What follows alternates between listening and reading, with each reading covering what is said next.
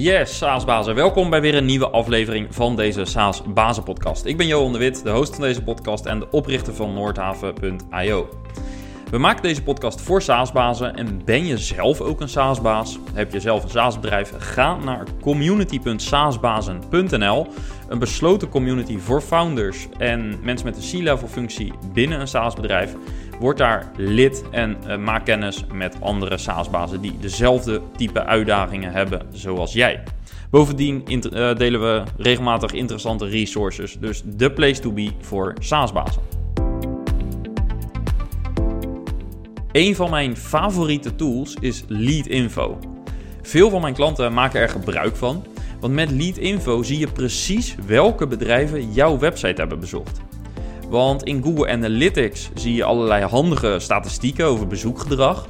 Maar je ziet niet wie en uh, welke bedrijven jouw website bezocht hebben. En dat terwijl dat voor marketing en sales erg interessant is.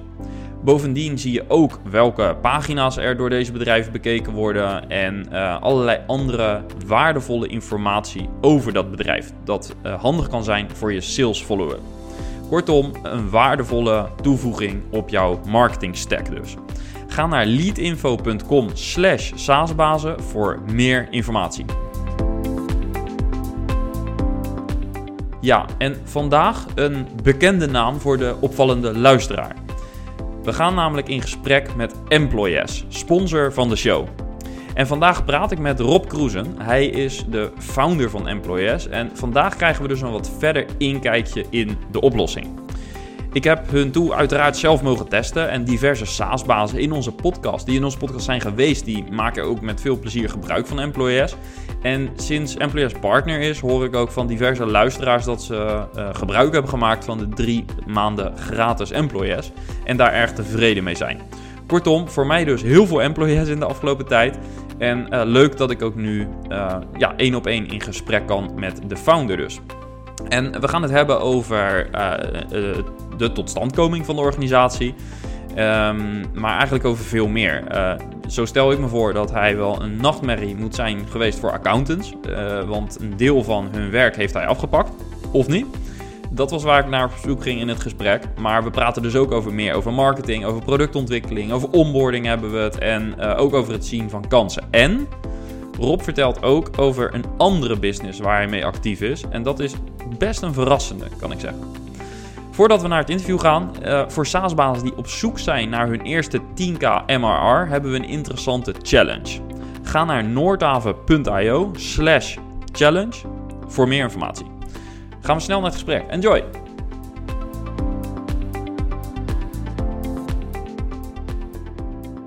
Yes, Rob, van harte welkom in de SaaS Bazen podcast. Yes, dankjewel. Jij bent natuurlijk uh, eigenlijk dubbel SaaS-baas. Uh, ja, niet alleen uh, zelf een eigen SaaS-bedrijf, maar je sponsort ook deze podcast. Zeker. Dus uh, ook via deze weg nogmaals dank daarvoor. Yes, jij bedankt. Ja. Gaaf dat, je, dat jullie dat willen doen. Ehm, we gaan het vandaag dus hebben over jullie tool. Dus voor de trouwe luisteraar die de SaaS-bazen podcast al kent, die heeft jullie al verschillende keren voorbij horen komen, Employees.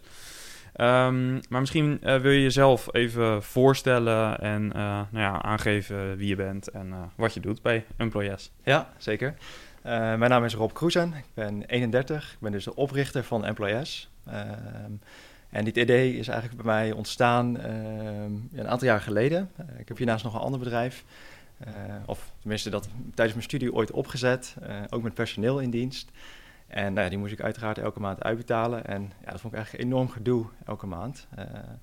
Ik, ja, ik had dan een Excel-sheetje met gewerkte uren, met werknemergegevens, weet ik wat allemaal. Dat stuurde ik dan op naar het salariskantoor.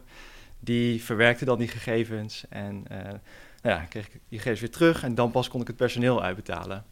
Nou, dat vond ik best wel een gedoe. Uh, en daar is eigenlijk een beetje het idee ontstaan voor employees, waarover straks waarschijnlijk nog veel meer. Um, en nou ja, wat ik al zei, ik heb dus tijdens mijn studie uh, een ander bedrijf opgericht, een fotografiebedrijf. Daardoor eigenlijk een beetje in het ondernemerschap gerold. Uh, en ook nog uh, bij twee start-ups in Amsterdam heel kort tijdje binnengekeken. Bij Bloemon en bij P11, wat ondertussen is overgenomen door SumUp.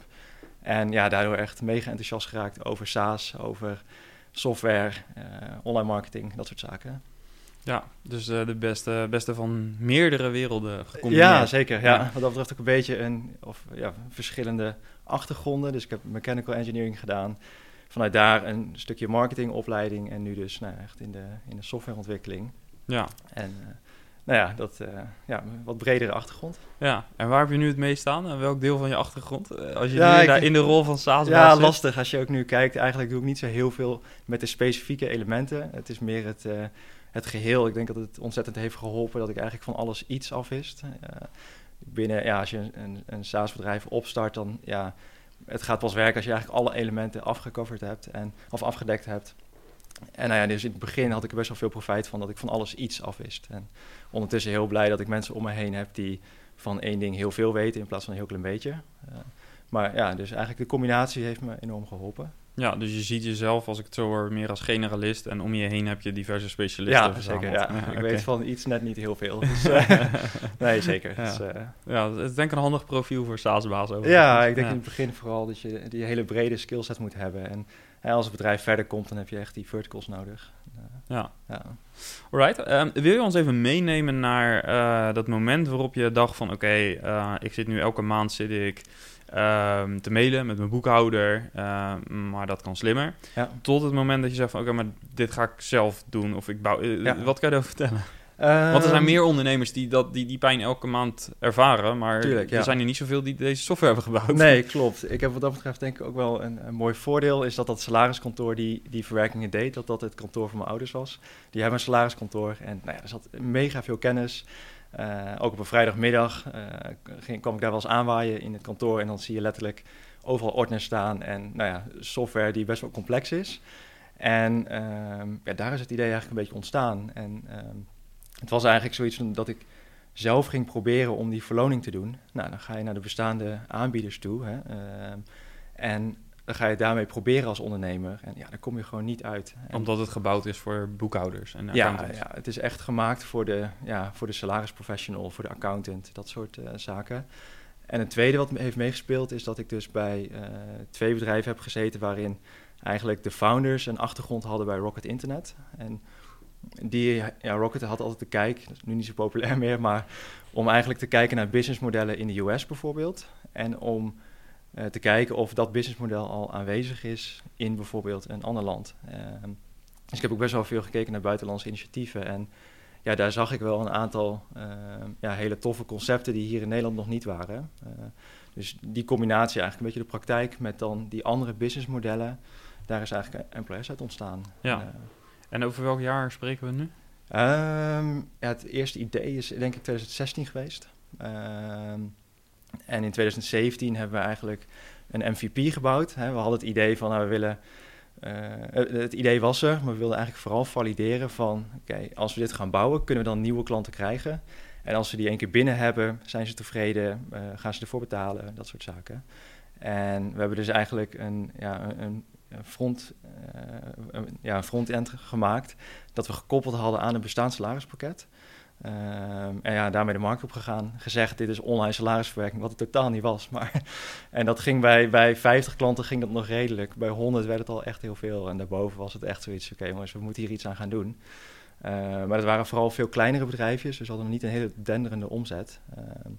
Maar we moesten wel die, we wilden eigenlijk die salarisberekeningen, die dus nu nog in dat oude pakket plaatsvonden, die wilden we eigenlijk zelf gaan maken. En ja, dat is ontzettend complex. Je hebt uh, in Nederland ontzettend veel regels op salarisvlak. Heel veel wetgeving natuurlijk. Ja, ja, heel veel wetgeving en best wel moeilijk. En toen eigenlijk besloten van, ja, dat kunnen we niet uit eigen middelen gaan doen. Uh, hier hebben we een stukje investering voor nodig. Dus toen uh, een pitch opgesteld en ja, eigenlijk die, dat pitch deck verspreid via een aantal partijen, zoals bijvoorbeeld Investor Match. Die heeft ons ontzettend goed geholpen om een investeerder uh, aan boord te krijgen. Uh, met relatief weinig omzet nog. En ja, dat is best wel lastig in Nederland. Uh, maar goed, ja. uiteindelijk is het de aanhouden wind en toch een goede investeerder gevonden. En eigenlijk naast de investering die hij heeft gedaan, heeft hij ook gezorgd dat ik in contact ben gekomen met mijn, met mijn technisch compagnon. Die deed destijds de technische DD uh, voor de investering. En mijn investeerder zei toen al van ja, die gaat echt nooit met jou aan de slag om uh, veel te saaie business. En toen heb ik ook juist gezegd, ja, dat is precies de reden dat je dit moet doen, want die salarismarkt is echt toe aan vernieuwing. Uh, er zijn een aantal hele grote partijen die ja, dat al heel lang op dezelfde manier doen. en nou ja, daarom, dat biedt denk ik heel veel kansen. En, ja. toen is dus ja, Marius aan, aangehaakt. Ja, ja. gaaf. Um, misschien dat we straks nog hebben over dat uh, co-founderschap, hè, wat jullie dan nu hebben. Of uh, hij is CTO en jij vanuit CEO, denk ik. Uh, dus ja. laten we jullie allebei gewoon SaaS-bazen noemen. Ja, de ene technisch en de andere voor al het andere. Ja. Um, jouw ouders die hebben dus, of, of, hadden in ieder geval op dat moment een boekhoud, administratie of accountskantoor. Ja. En nu ben jij de nachtmerrie voor boekhouders en accountants waarschijnlijk. Ja, ja het is het salariskantoor van mijn vader en die ehm, ja, die heeft mij ook een beetje met dit idee, heeft hij bij mij gebracht. En gezegd van, nou ja, dit is het dagelijkse werk wat wij doen. Hè. We krijgen elke dag mailtjes van ondernemers met gegevens. Dat tikken wij over in een salarispakket en vervolgens sturen we weer terug. Dat is best wel een heel inefficiënt proces. En ik denk dat ook heel veel administratiekantoren het daar best wel mee eens zijn. Um, alleen uh, het probleem daarvan is een beetje dat het ook, uh, die boekhouder die heeft eigenlijk steeds minder werk te doen, want die ondernemer doet steeds meer. Kijk bijvoorbeeld naar, we zijn heel veel ondernemers die bijvoorbeeld een Moneybird gebruiken of een e-book Dat soort partijen die, ja, die zorgen er gewoon voor dat een, uh, dat een ondernemer gewoon zelf die btw-aangifte doet. En ja, die trend zie je ook op salarisvlak. En dat, dat is nog, ja, dat is wel wat complexer, uh, maar ook dat zelf doen zie je steeds meer. En ja, die rol van die boekhouder die verandert. En ja, er is nog wel een deel van de accountants die dat, ja, die dat niet zo graag zien natuurlijk, omdat dat hun verdienmodel is. Helemaal met salarisverwerking, dat is het heilige woord is het contactmoment. Ze mm. willen graag elk moment of elke, elke maand even contact hebben. Ja, en dat, nou ja, dat verandert. En um, ja, wij zien, um, in het begin hadden we hem best wel sterk aangezet. Hè? Uh, zelf je personeel verlonen zonder je boekhouder of accountant. En ook een beetje gedaan in het begin hè, om echt een propositie neer te zetten. Maar we hebben ondertussen best wel veel accountants en administratiekantoren ook als klant. En uh, wat we nu zien is dat de ondernemer bij ons komt. Die kan zijn boekhouder uitnodigen om mee te kijken. En die, ja, die kan dan ook inloggen, dat bieden we gratis aan. En die ziet vervolgens van, hé, hey, dit, is, nieuw, dit is een nieuw stukje software. En nou ja, wij zijn nu toch wel echt veel meer die samenwerking aan het opzoeken. Ook omdat wij veel ondernemers hebben die bij ons komen. Ja, en gewoon op zoek zijn naar een goede accountant. En maar is het zo dat die accountant eigenlijk aanvoelt van ja, uh, weet je, het is een beetje een gelopen race. Mijn klant die bepaalt toch wel dat hij deze software wil gaan gebruiken. Dus daar kan ik niet zo hmm. heel veel meer tegen doen. Als ik een account uh, in de software heb, dan kan ik in ieder geval een beetje controleren. Dan kan ik een beetje inzicht houden. Of is het ook echt dat uh, accountants nu zeggen uh, doe ons employees maar, want dan kunnen wij ons interne proces uh, verbeteren. Of hoe ziet dat Ja, zover zijn we helaas nog niet. Dat komt ook een beetje door, uh, door de pricing die we hebben. We hebben echt een pricing die toegespitst is op de ondernemer. dus ze betalen dan een vast bedrag per maand plus een bedrag per werknemer. En die accountant gaat dan elke keer dat vaste bedrag betalen. En dus onze pricing is eigenlijk nog wat te diffuus om ook op grote schaal boekhouders en accountantskantoren aan te sluiten. Maar we zien wel die ja, die trend eigenlijk. Ja, want hoe eh, reageren ze nu op jullie? Hè? Je geeft al aan, je, je eet toch een deel van de business op. Ja. Aan de andere kant zien veel accountants volgens mij op dit moment ook wel de laatste jaren ja. al. Ja, ze moeten toch wel met iets ander uh, businessmodel komen. Ja, misschien wat meer gaan adviseren en sturen in plaats van uh, de, de factuurtjes kloppen. Dat doen ze ook eigenlijk niet meer, volgens mij. Nee, klopt. Um, hoe reageren ze als jij pitcht of als jij in contact komt met ze? Uh, gemixt. Dus er zijn eigenlijk twee types reacties. Uh, de ene die is eigenlijk van, hey tof, iets nieuws. En die, uh, die zien dat zitten. Die zien ons ook meer als partner. Hè? Dus zij bevelen employers aan aan hun klanten. En de tweede reactie is eigenlijk van, ja, maar kan dat wel? Hè? En uh, dat stukje software ziet er eigenlijk veel te simpel uit. Zit dit er wel in? Weet je, de kritische houding. En ja. ja, die tweesplitsing zie je. En ondertussen ook wel een beetje erachter gekomen dat het niet heel veel zin heeft om die kritische groep te proberen te overtuigen. Want ja, dat, dat, is gewoon een moeizaam proces en levert bij mij ook niet het plezier op. Ik heb zoiets van, ik wil, onze visie is om die ondernemer te helpen om ja, dit lastige stukje, hè, het is een gedoe salarisverwerking, je wil er eigenlijk niet mee bezig zijn, maar het moet wel goed gefixt zijn, om dat makkelijker te maken. En daar dan ook samen met die boekhouder, want die heeft een hele belangrijke rol, namelijk dat is vaak een vertrouwenspersoon van diegene, die, ja, die kent de business al. Dus om echt die samenwerking op te zoeken. Um, ja, dat eigenlijk. Ja. En waar werken jullie op langere termijn naartoe? Want op een gegeven moment is er natuurlijk een moment in de toekomst dat dit heel normaal is. Dat iedereen uh, gewoon de, dat, dat de ondernemer zelf de salarisadministratie kan doen met zo'n tool. Um, wat, voor, wat, wat voor ontwikkelingen zie je verder nog daarin? Nou, wat we eigenlijk zien is dat je um, hè, naast eigenlijk je salarisverwerking is eigenlijk een resultaat van je HR-beleid. Hè, dus je hebt eigenlijk, je spreekt met je werknemer een salaris af, een contract uh, spreek je af, dat soort zaken. En op het moment dat je dat eigenlijk gewoon goed hebt vastgelegd, dan is die salarisverwerking is peanuts eigenlijk. Want dat volgt uit die... Ja, dat zijn de berekeningen als het ware van de afspraken. Precies, ja. Dus eigenlijk wat wij, wat wij nu als doel hebben, we zijn begonnen als salarissysteem. Hè, dus we kunnen loonstrookjes maken. En dat zijn we nu meer en meer eigenlijk aan het uitbouwen richting een HR-tool met salarisverwerking erbij in. Uh, en die trend zie je in Nederland ook. Er zijn best wel veel nieuwe HR-partijen. Uh, eh, onlangs ook een HR-partij uit België overgenomen door een grote speler in Nederland. Uh, ja, en daar zie je ook dat die, die migratie zeg maar, van HR en salarisverwerking, dat is aan de gang. En eigenlijk het doel van Employers is om uiteindelijk, we wilden helemaal geen salarispakket bouwen. We willen eigenlijk zorgen dat je als ondernemer ja, goed je team kan managen. En nou ja, dat je je werknemers kan betalen in plaats van een onbegrijpelijke loonstrook krijgen. Dus het idee is eigenlijk om een stukje Eh, te maken die, ja, die hele salarisverwerking automatiseert. Ja, maar dus ook uh, verlof, uh, registratie, dat soort dingen. Ja, we zijn nu bijvoorbeeld bezig met declaraties. Hè, dat een werknemer die koopt een keer een kop koffie onderweg... dat hij zijn bonnetje kan uploaden en dat het automatisch ook uitbetaald wordt. Ja. zijn jullie ook al op het punt dat je daar echt een app voor hebt? Nee, dat nog niet. Nee, het dat is staat wel op de roadmap. Ja, zeker. Ja. ja. kijk, het is, uh, we zijn eigenlijk nu nog met een te klein team die een iets te groot stuk software gebouwd heeft. Uh, het is best wel lastig, omdat we ja, ook die salariskant, die moeten we allemaal compliant houden. Ja, en die regels veranderen elk jaar. Ook nu is development hard bezig om uh, per januari om weer te fixen. ja, en dan ook nog die nieuwe features te ontwikkelen. Dat is dat is best wel veel bij elkaar. Dus, uh... Maar de ambitie is stevig, dat heb ik al gemerkt. Ja, dus, uh, zeker. Het gaat sowieso wel komen. Ja, ja leuk. Ja. cool. Alright. Um, Oké, dus je hebt dan um, uh, nou, in, dat probleem herkend. Je hebt het zelf ervaren, je hebt het herkend. je hebt een groot deel daarvan dus al opgelost. er blijven altijd natuurlijk dingen op de roadmap nog staan. hoe zorg je straks voor de afbakening? Dat, um, want het volgende, de volgende stap is nu wat meer het uitbouwen naar HR toe, waar jullie nu mee bezig zijn. Mm -hmm hebben jullie ook wel eens discussie over uh, van nou, deze feature, dit, gaan we zelf bouwen of daar zouden we mee moeten koppelen? Ja. Um, want er kan natuurlijk een keer een spanningsveld ontstaan. Hè, dat sommige pakketten die groeien door de loop der jaren heel erg uit naar heel uitgebreid, heel veel features. Ja. Uh, hoe, hoe ga je dat proces bewaken of hoe doe je dat nu al? Um, nou, eigenlijk waren we al ietsje te ver in het proces. Hè, dat we al features aan het stapelen waren en dat we dachten van... oké, dit gaat niet goed met de usability. Hè. Het wordt we zijn echt nu dingen aan het bijplussen, terwijl we niet meer over het geheel nadenken. Uh, dus er is een aantal maanden geleden is er bij ons uh, iemand gestart, echt een, een, product lead. En ja, die heeft eigenlijk ook gezegd van, jongens, laten we even een stapje terug doen. En goed gaan kijken van, nou, die applicatie is nu gebouwd. Uh, en ja, wat zijn eigenlijk de boundaries van je product op dit moment? En past dat bij de doelgroep? En ook gewoon te zeggen, dit is het. En dan binnen die stack, zeg maar, gewoon je, je functies ontwikkelen.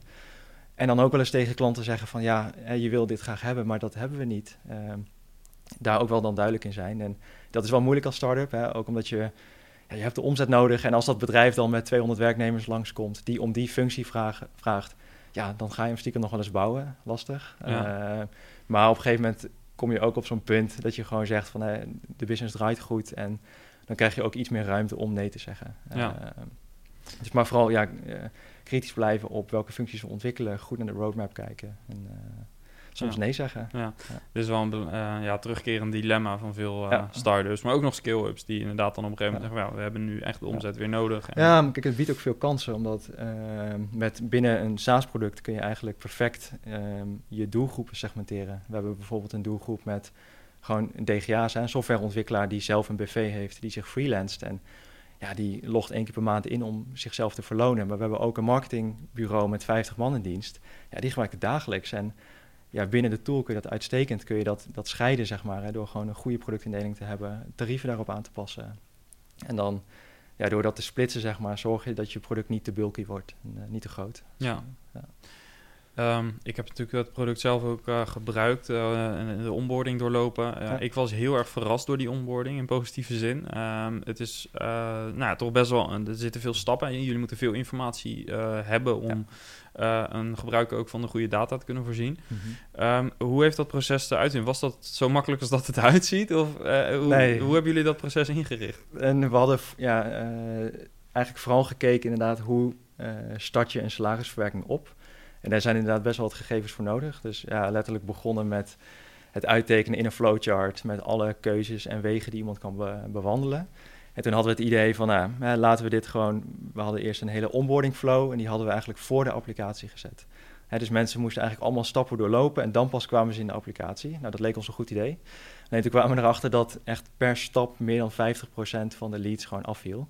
Ja, dat is zonde, want uh, het bestond uit vijf, zes stappen en aan het eind hield je bijna niks meer over.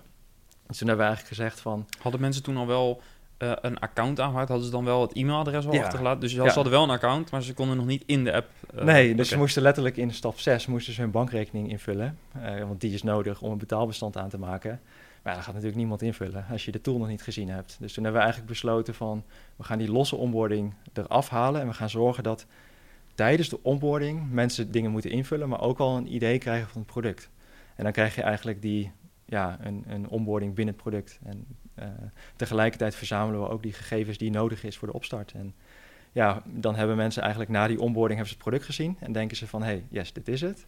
Plus dat wij net genoeg gegevens hebben om, uh, ja, om ze te activeren. Ja, en ook naar een aha-moment zeg maar, te, brengen. Dus eigenlijk zeggen, het was eerst een, een onboarding flow, een soort wizard, uh, zonder dat je applicatie zelf had gezien. Ja. Um, en dat zorgde voor uh, veel frictie in het proces. Dus in die stappen stapte er veel uit. En door ze alleen te laten landen eerst in de applicatie en ze binnen die applicatie bepaalde stappen te laten doen, zodat ze ook zien wat de visuele interface is en, en dat soort dan gaat uh, daar, dat zorgt ervoor een veel hogere conversie. Absoluut, ja, zeker. En dat ook in combinatie met gewoon goede data tracking en ook daar notificaties omheen bouwen. Van hè, als iemand een werknemer heeft ingevoerd, maar nog geen verloning heeft geprobeerd, ja, dan mist hij net dat wow-moment. En ja, dat tracken we dus goed. En dan uh, ook op basis daarvan een keer een belletje doen, een mailtje sturen. En dat werkt ook ontzettend goed. ja, dus je kijkt eigenlijk naar product usage. En op basis daarvan kan je verschillende campagnes of triggers starten om te bellen of om een automatische mail te versturen. Dat soort dingen. Dat werkt echt heel goed. Dus, uh, Overigens wel interessant, hè, want je zegt eigenlijk net tussen de regels door, uh, dat doen mensen natuurlijk niet. Maar op dat moment richt je het wel zo in. En ik denk dat dat herkenbaar is voor heel veel SaaS-bedrijven. Die, die, je richt iets in met op dat moment het inzicht wat je hebt. En later kom je er pas achter dat, uh, ja. dat het inderdaad misschien niet zo logisch is. Maar je moet soms dit soort dingen gewoon doen en ook leren. Absoluut, ja, uh, zeker. Gewoon ja, live zetten en, uh, en kijken wat er gebeurt. Ja. ja. Hoe, hoe meten jullie die stappen? Hebben jullie daar, de, de, draaien jullie dingen uit in Mixpanel of hebben jullie daar op een clickstream ja, we, of? ja, we gebruiken, we hebben best wel veel marketing tools, maar ook CRM en dat soort zaken. En wat we eigenlijk merkten was dat ja, al die tools moet je implementeren. En dat hangt eigenlijk om één databron heen. Dus we gebruiken segment.com. Oh ja, ja. Uh, fantastisch mooi tool waarop je allemaal... Ja, daar regel je centraal je data en dat kun je mooi doorsturen naar al je tools die eromheen liggen. Ja. En, uh, ja, dat is super handig. Ja, gaaf. Uh, nou ja, nogmaals wat ik al zei, het viel me in positieve zin op. Um, je, vaak in wat oudere pakketten moet je vaak uh, eerst heel veel stamgegevens invoeren. En dan ben je uh, heel veel irritatie verder voordat je überhaupt iets kan zien. En ja, ja dat zorgt natuurlijk voor heel veel frictie. Mm -hmm. dus dat is, ja, nogmaals, dat viel me op. Mooi. um, nog even terug naar het begin toch. Um, de naam. Employees. Ja. Um, ik moet altijd een beetje zoeken van het is, het is employees. Employees. Nee, het is, is employees, het. is ja. het. hoe, heb, hoe zijn jullie op de naam gekomen?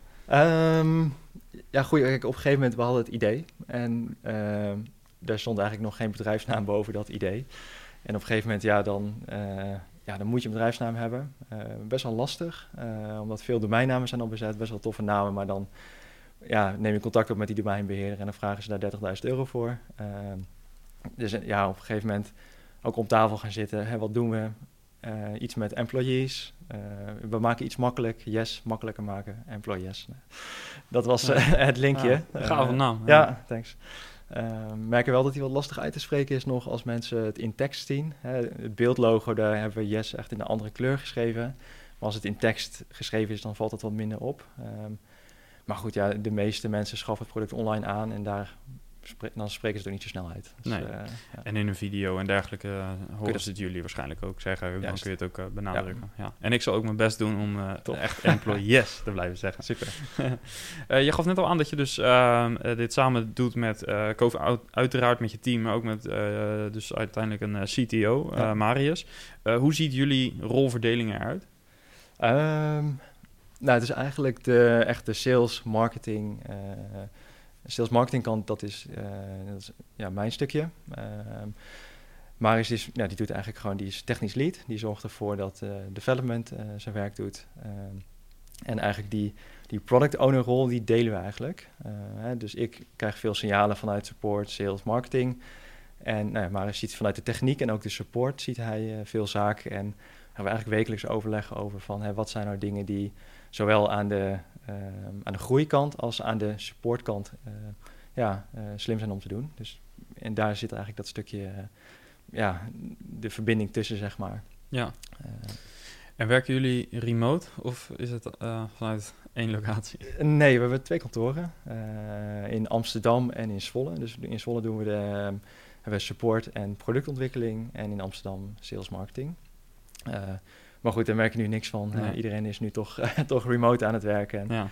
ja, dat is eigenlijk, uh, dat werkt gewoon prima. Maar het is wel fijn om af en toe in real life toch te meeten. Ja, want jullie blijven niet remote als ik het zo hoor. Jullie zullen... nee, denk ik niet. nee.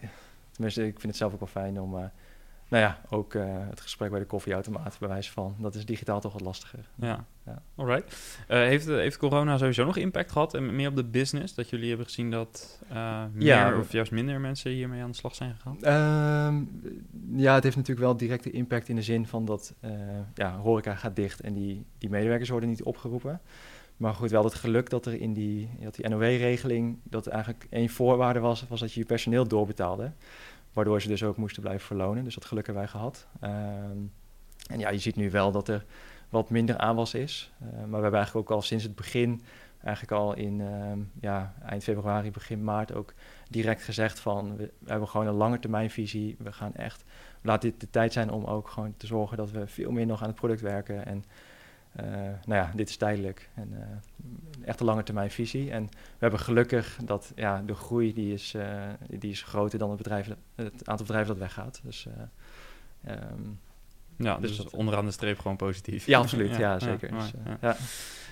Um, als het gaat om die, die nou, lead generatie en, en de custom acquisition, wat, wat doen jullie aan marketing? Wat hebben jullie de afgelopen tijd gedaan en wat zijn de meest effectieve kanalen? Um, nou, voor ons is het heel belangrijk om goed gevonden te worden. We hebben eigenlijk een, um, een product dat mensen nodig hebben op een bepaald moment. Namelijk als ze voor het eerste werknemer gaan aannemen of dat ze helemaal klaar zijn met hun huidige salarisverwerking. Ja, de eerste neiging is dan toch om dat in Google in te gaan tikken. Uh, dus Google is ontzettend belangrijk voor ons, SEO, SEA. Uh, en wat ook heel goed werkt zijn integraties. Dus de eerste partij waarmee we koppelden was Moneybird. En ja, vanuit daar eigenlijk ondertussen denk ik met alle grote boekhoudpakketten in Nederland uh, hebben we een koppeling. En dat werkt eigenlijk ook zo dat een ondernemer die gebruikt dat boekhoudpakket en uh, zonder personeel gaat personeel aannemen, gaat naar die koppelpagina en ziet ons daartussen staan.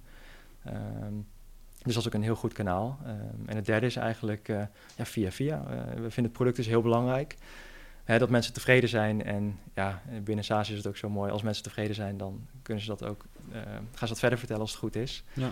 Uh, daar hebben we ook een mooi programma voor draaien. Dat als je iemand aanbeveelt, dat je dan nou ja, uh, daar ook een beloning voor krijgt. Ehm, dat is ook een goed kanaal. Ja. Ja. ja, en sowieso natuurlijk, het is ook een, uh, een tool die elke ondernemer uiteindelijk kan gebruiken. Dus ja. het is ook niet per se niche specifiek of iets dergelijks. Dus de, nee, de markt is natuurlijk gigantisch. Zeker, ja. Ja, ik moet wel zeggen dat je hebt in Nederland dus heel veel cao's en heel veel regels. Dat bemoeilijkt het wel. Uh, we zijn nu bijvoorbeeld bezig om... We kregen veel aanvragen van bijvoorbeeld een tandartspraktijk of ehm, nou ja, zoiets. En die valt dan onder een CAO voor de zorg. Uh, nou, dat is best wel complex. Uh, je moet pensioenaangifte doen, veel regels. En, dus het is wel lastig om in één keer iedereen te bedienen. Helemaal ook omdat we nou ja, het die ondernemers zelf willen laten doen. Dus dat heeft nog iets meer tijd nodig. Maar, ja.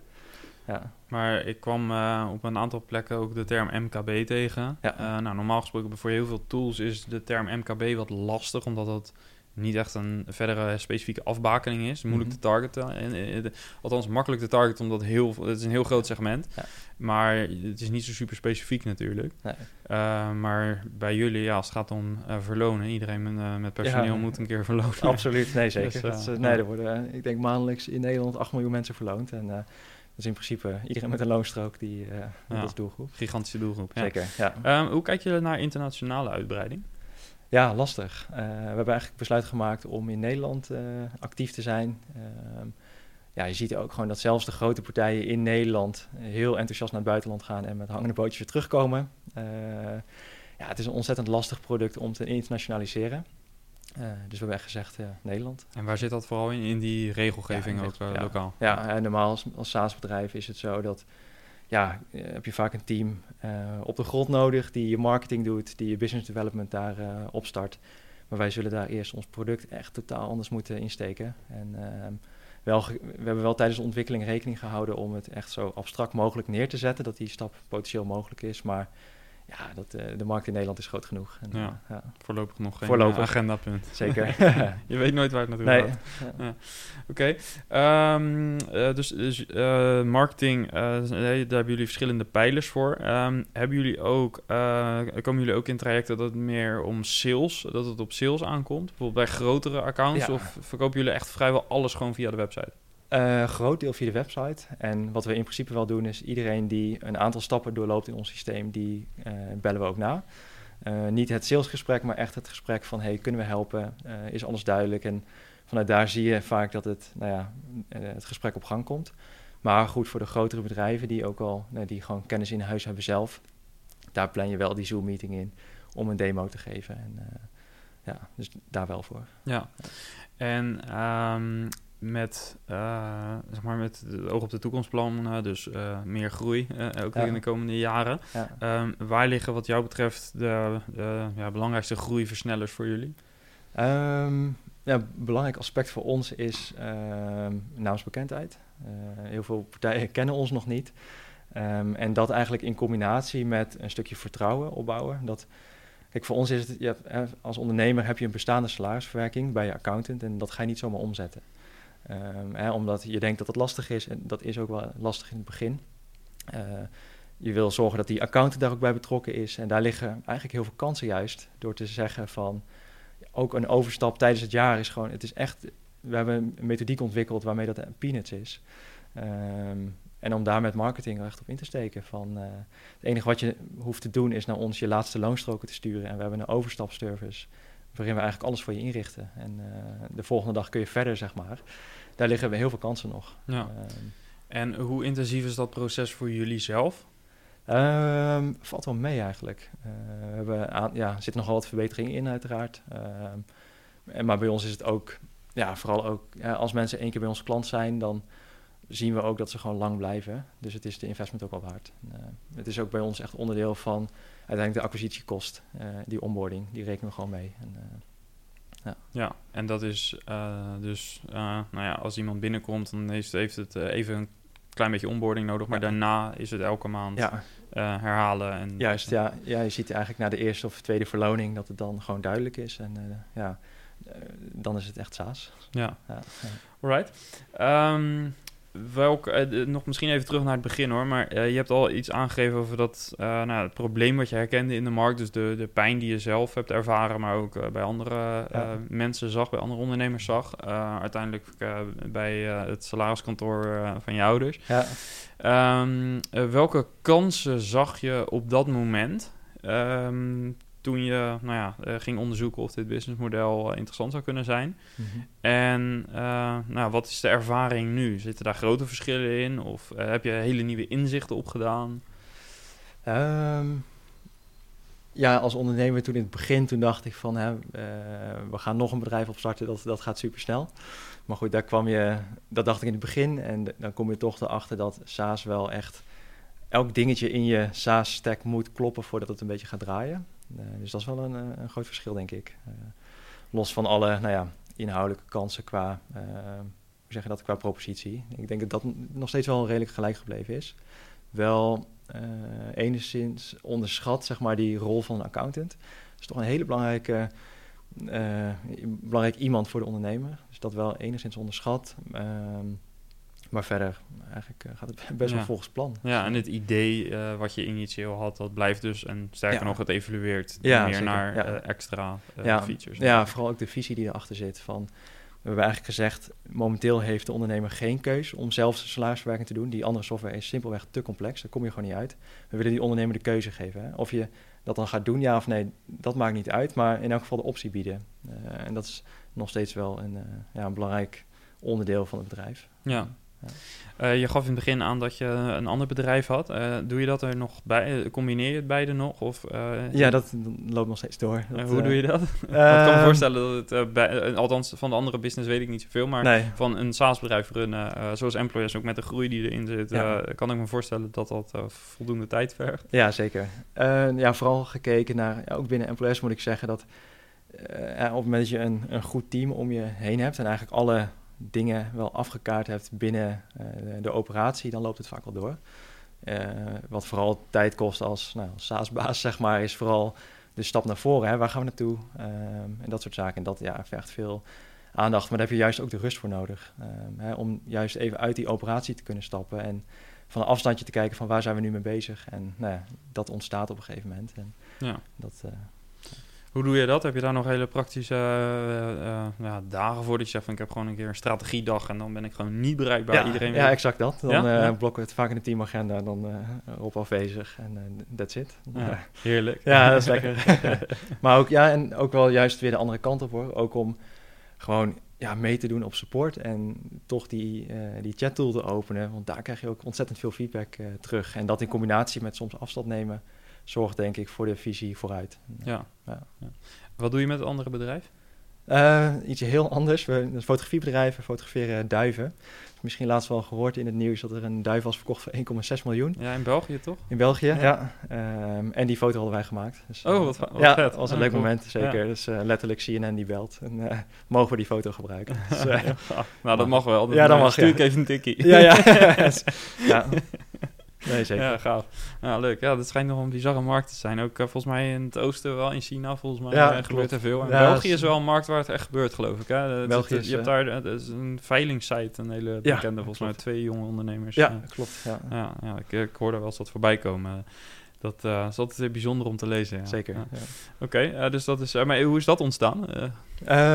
Vanuit hobby, fotografie. En ook daar liggen nog wel SaaS-kansen. Dus voor de SaaS-baas die een nieuw idee wil lanceren, ga eens naar Duivensport kijken.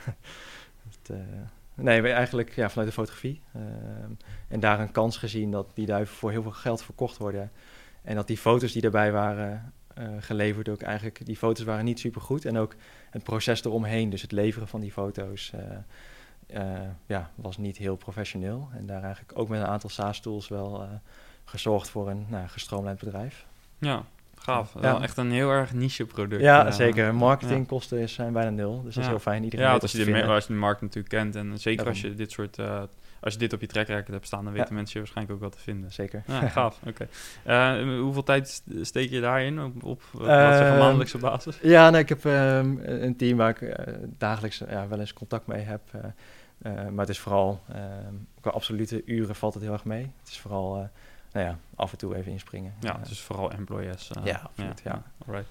Um, ik had laatst in een van de eerdere podcasts met Rick Goud had ik uh, een gesprek over competenties die een SaaS was moet hebben. Nou, je hebt daar al het een en ander over laten vallen. Dus mm -hmm. enerzijds ook uh, het vermogen om even afstand te nemen, maar ook een keer uh, het vermogen om juist in te zoomen. Ja. Um, wat voor competenties horen er wat jou betreft bij een SaaS-baas? het hangt denk ik heel erg af van de, ja, van de fase van het bedrijf. Hè, dus in het begin dus die brede skillset.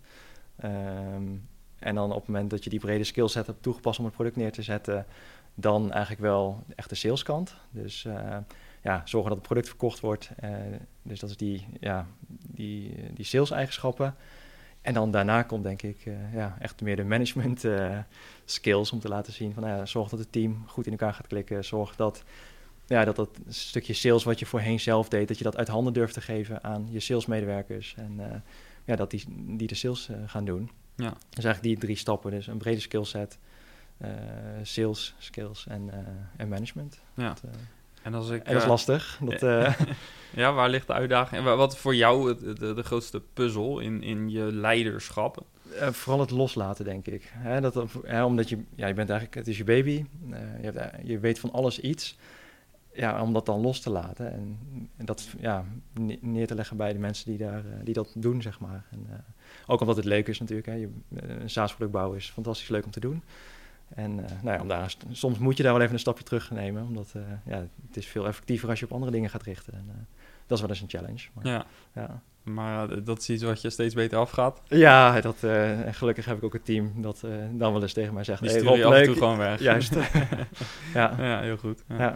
Ja. En wat is, als, je, als ik, probeer toch een klein beetje eruit te krijgen wat echt de doorslaggevende competentie is. Als je er echt één, zou, één competentie zou moeten noemen, die, waarvan je zou zeggen dat is eentje waar elke SaaS-bas aan zou moeten werken.